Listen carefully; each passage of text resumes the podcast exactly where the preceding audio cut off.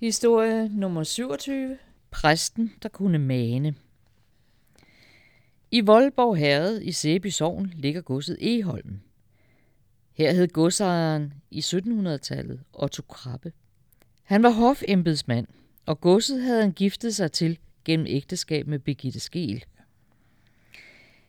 Denne kvinde var kendt viden om som en særdeles barsk dame, og i ægteskabet var det da også hende, der havde bukserne på, sagde man. Alle større godser havde en ridefode, hvis arbejde bestod i at sørge for, at de tilknyttede hårbønder passede det daglige og ofte hårde arbejde. Det skete efter godsejerens befalinger og for godt befindende, og ridefoden var mere eller mindre afholdt, alt efter hvilke instrukser han fik fra herskabet. På Eholm huserede fru Begitte som en streng på Eholm huserede fru Birgitte som en streng og from en af slagsen. Og det var hende, der gennem ridefoden Store Claus styrede sine bønder. Året igennem fratog hun bønderne al fornøjelse, som ellers var tradition de fleste steder på den tid, og som var en kærkommen afveksling fra hverdagens hårde slid.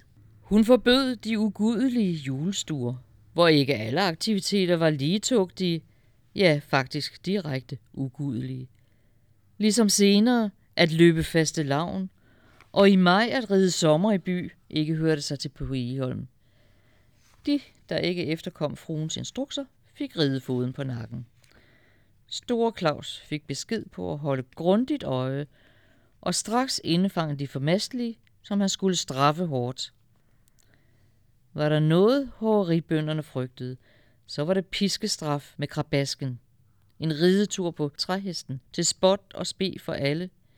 Eller flere dage på, i bedste fald, vand og brød i det berygtede fængsel, hundehullet. På trods af bøndernes genstridighed og ulydighed måtte store Claus passe på ikke at gøre bønderne uarbejdsdygtige ved at overdrive straffen.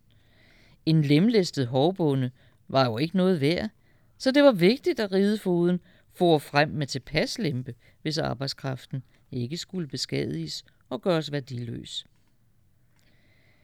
Fruens hellighed viste sig også ved, at hun påbød ridefoden at samle bønderne til sang og bøn hver morgen og aften.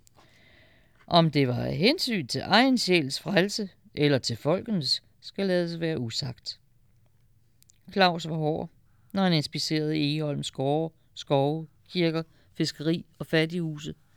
Og en af de ting, der gjorde ham særlig upopulær, når han var på sine inspektionsrunder, var inddrivning af skatterne hos de ofte forarmede bønder.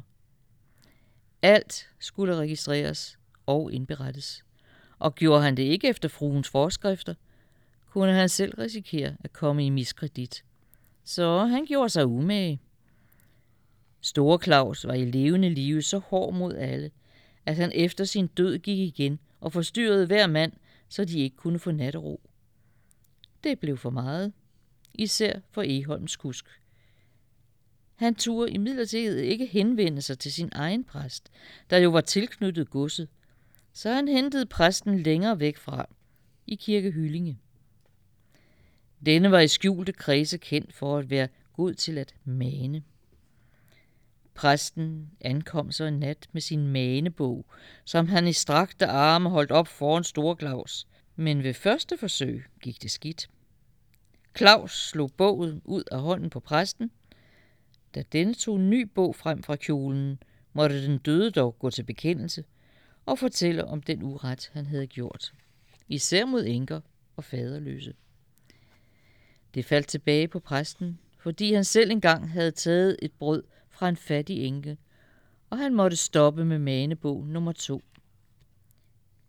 Heldigvis havde samme præst manebog nummer tre, og da han holdt den den frem, måtte Store Claus overgive sig.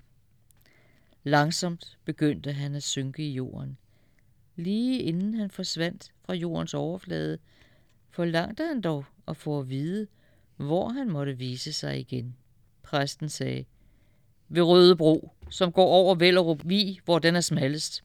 Så forsvandt Store Claus endelig. Og for at være sikker på at få fred, hamrede man en stor og solid pæl ned til at holde på ham. Dette skulle præsten i midlertid aldrig have lovet ham. For hver gang Vellerupbønderne skulle passere pælen på vej til Roskilde Marked, så hylede og skreg store Claus så gudsjammerligt, at det skræmte både folk og fæ fra Vidersans. For at blive alt det skrækkelige kvidt og zone ridefodens brøde, og måske også præstens, byggedes Vellerup Hospital tæt på kirken for fattige, faderløse og enker. Siden har man hverken hørt eller set noget til Store Claus. Han var for stedse malet i jorden. I mange gamle beretninger, der er rideføren jo altid de onde. Og øh, ja, det giver historien jo meget god forklaring på. Og hvis man skulle tælle de steder op, hvor historien og savnene fortæller, at her der havde bønderne brækket ryggen på ridefoden, så kom vi virkelig nok til at mangle ridefoder. I virkeligheden så var ridefoden en rimelig veluddannet person, som af godsejeren var ansat til at forestå driften af herregården. Derfor var det ham og ikke godsejeren, som bønderne som regel forbandt med det ofte barske hoveriarbejde. Og fru Birgitte var virkelig en barsk dame, og hvis instrukser til ridefoden jo er ganske klare, og vi har temmelig meget historisk materiale på fru Birgitte.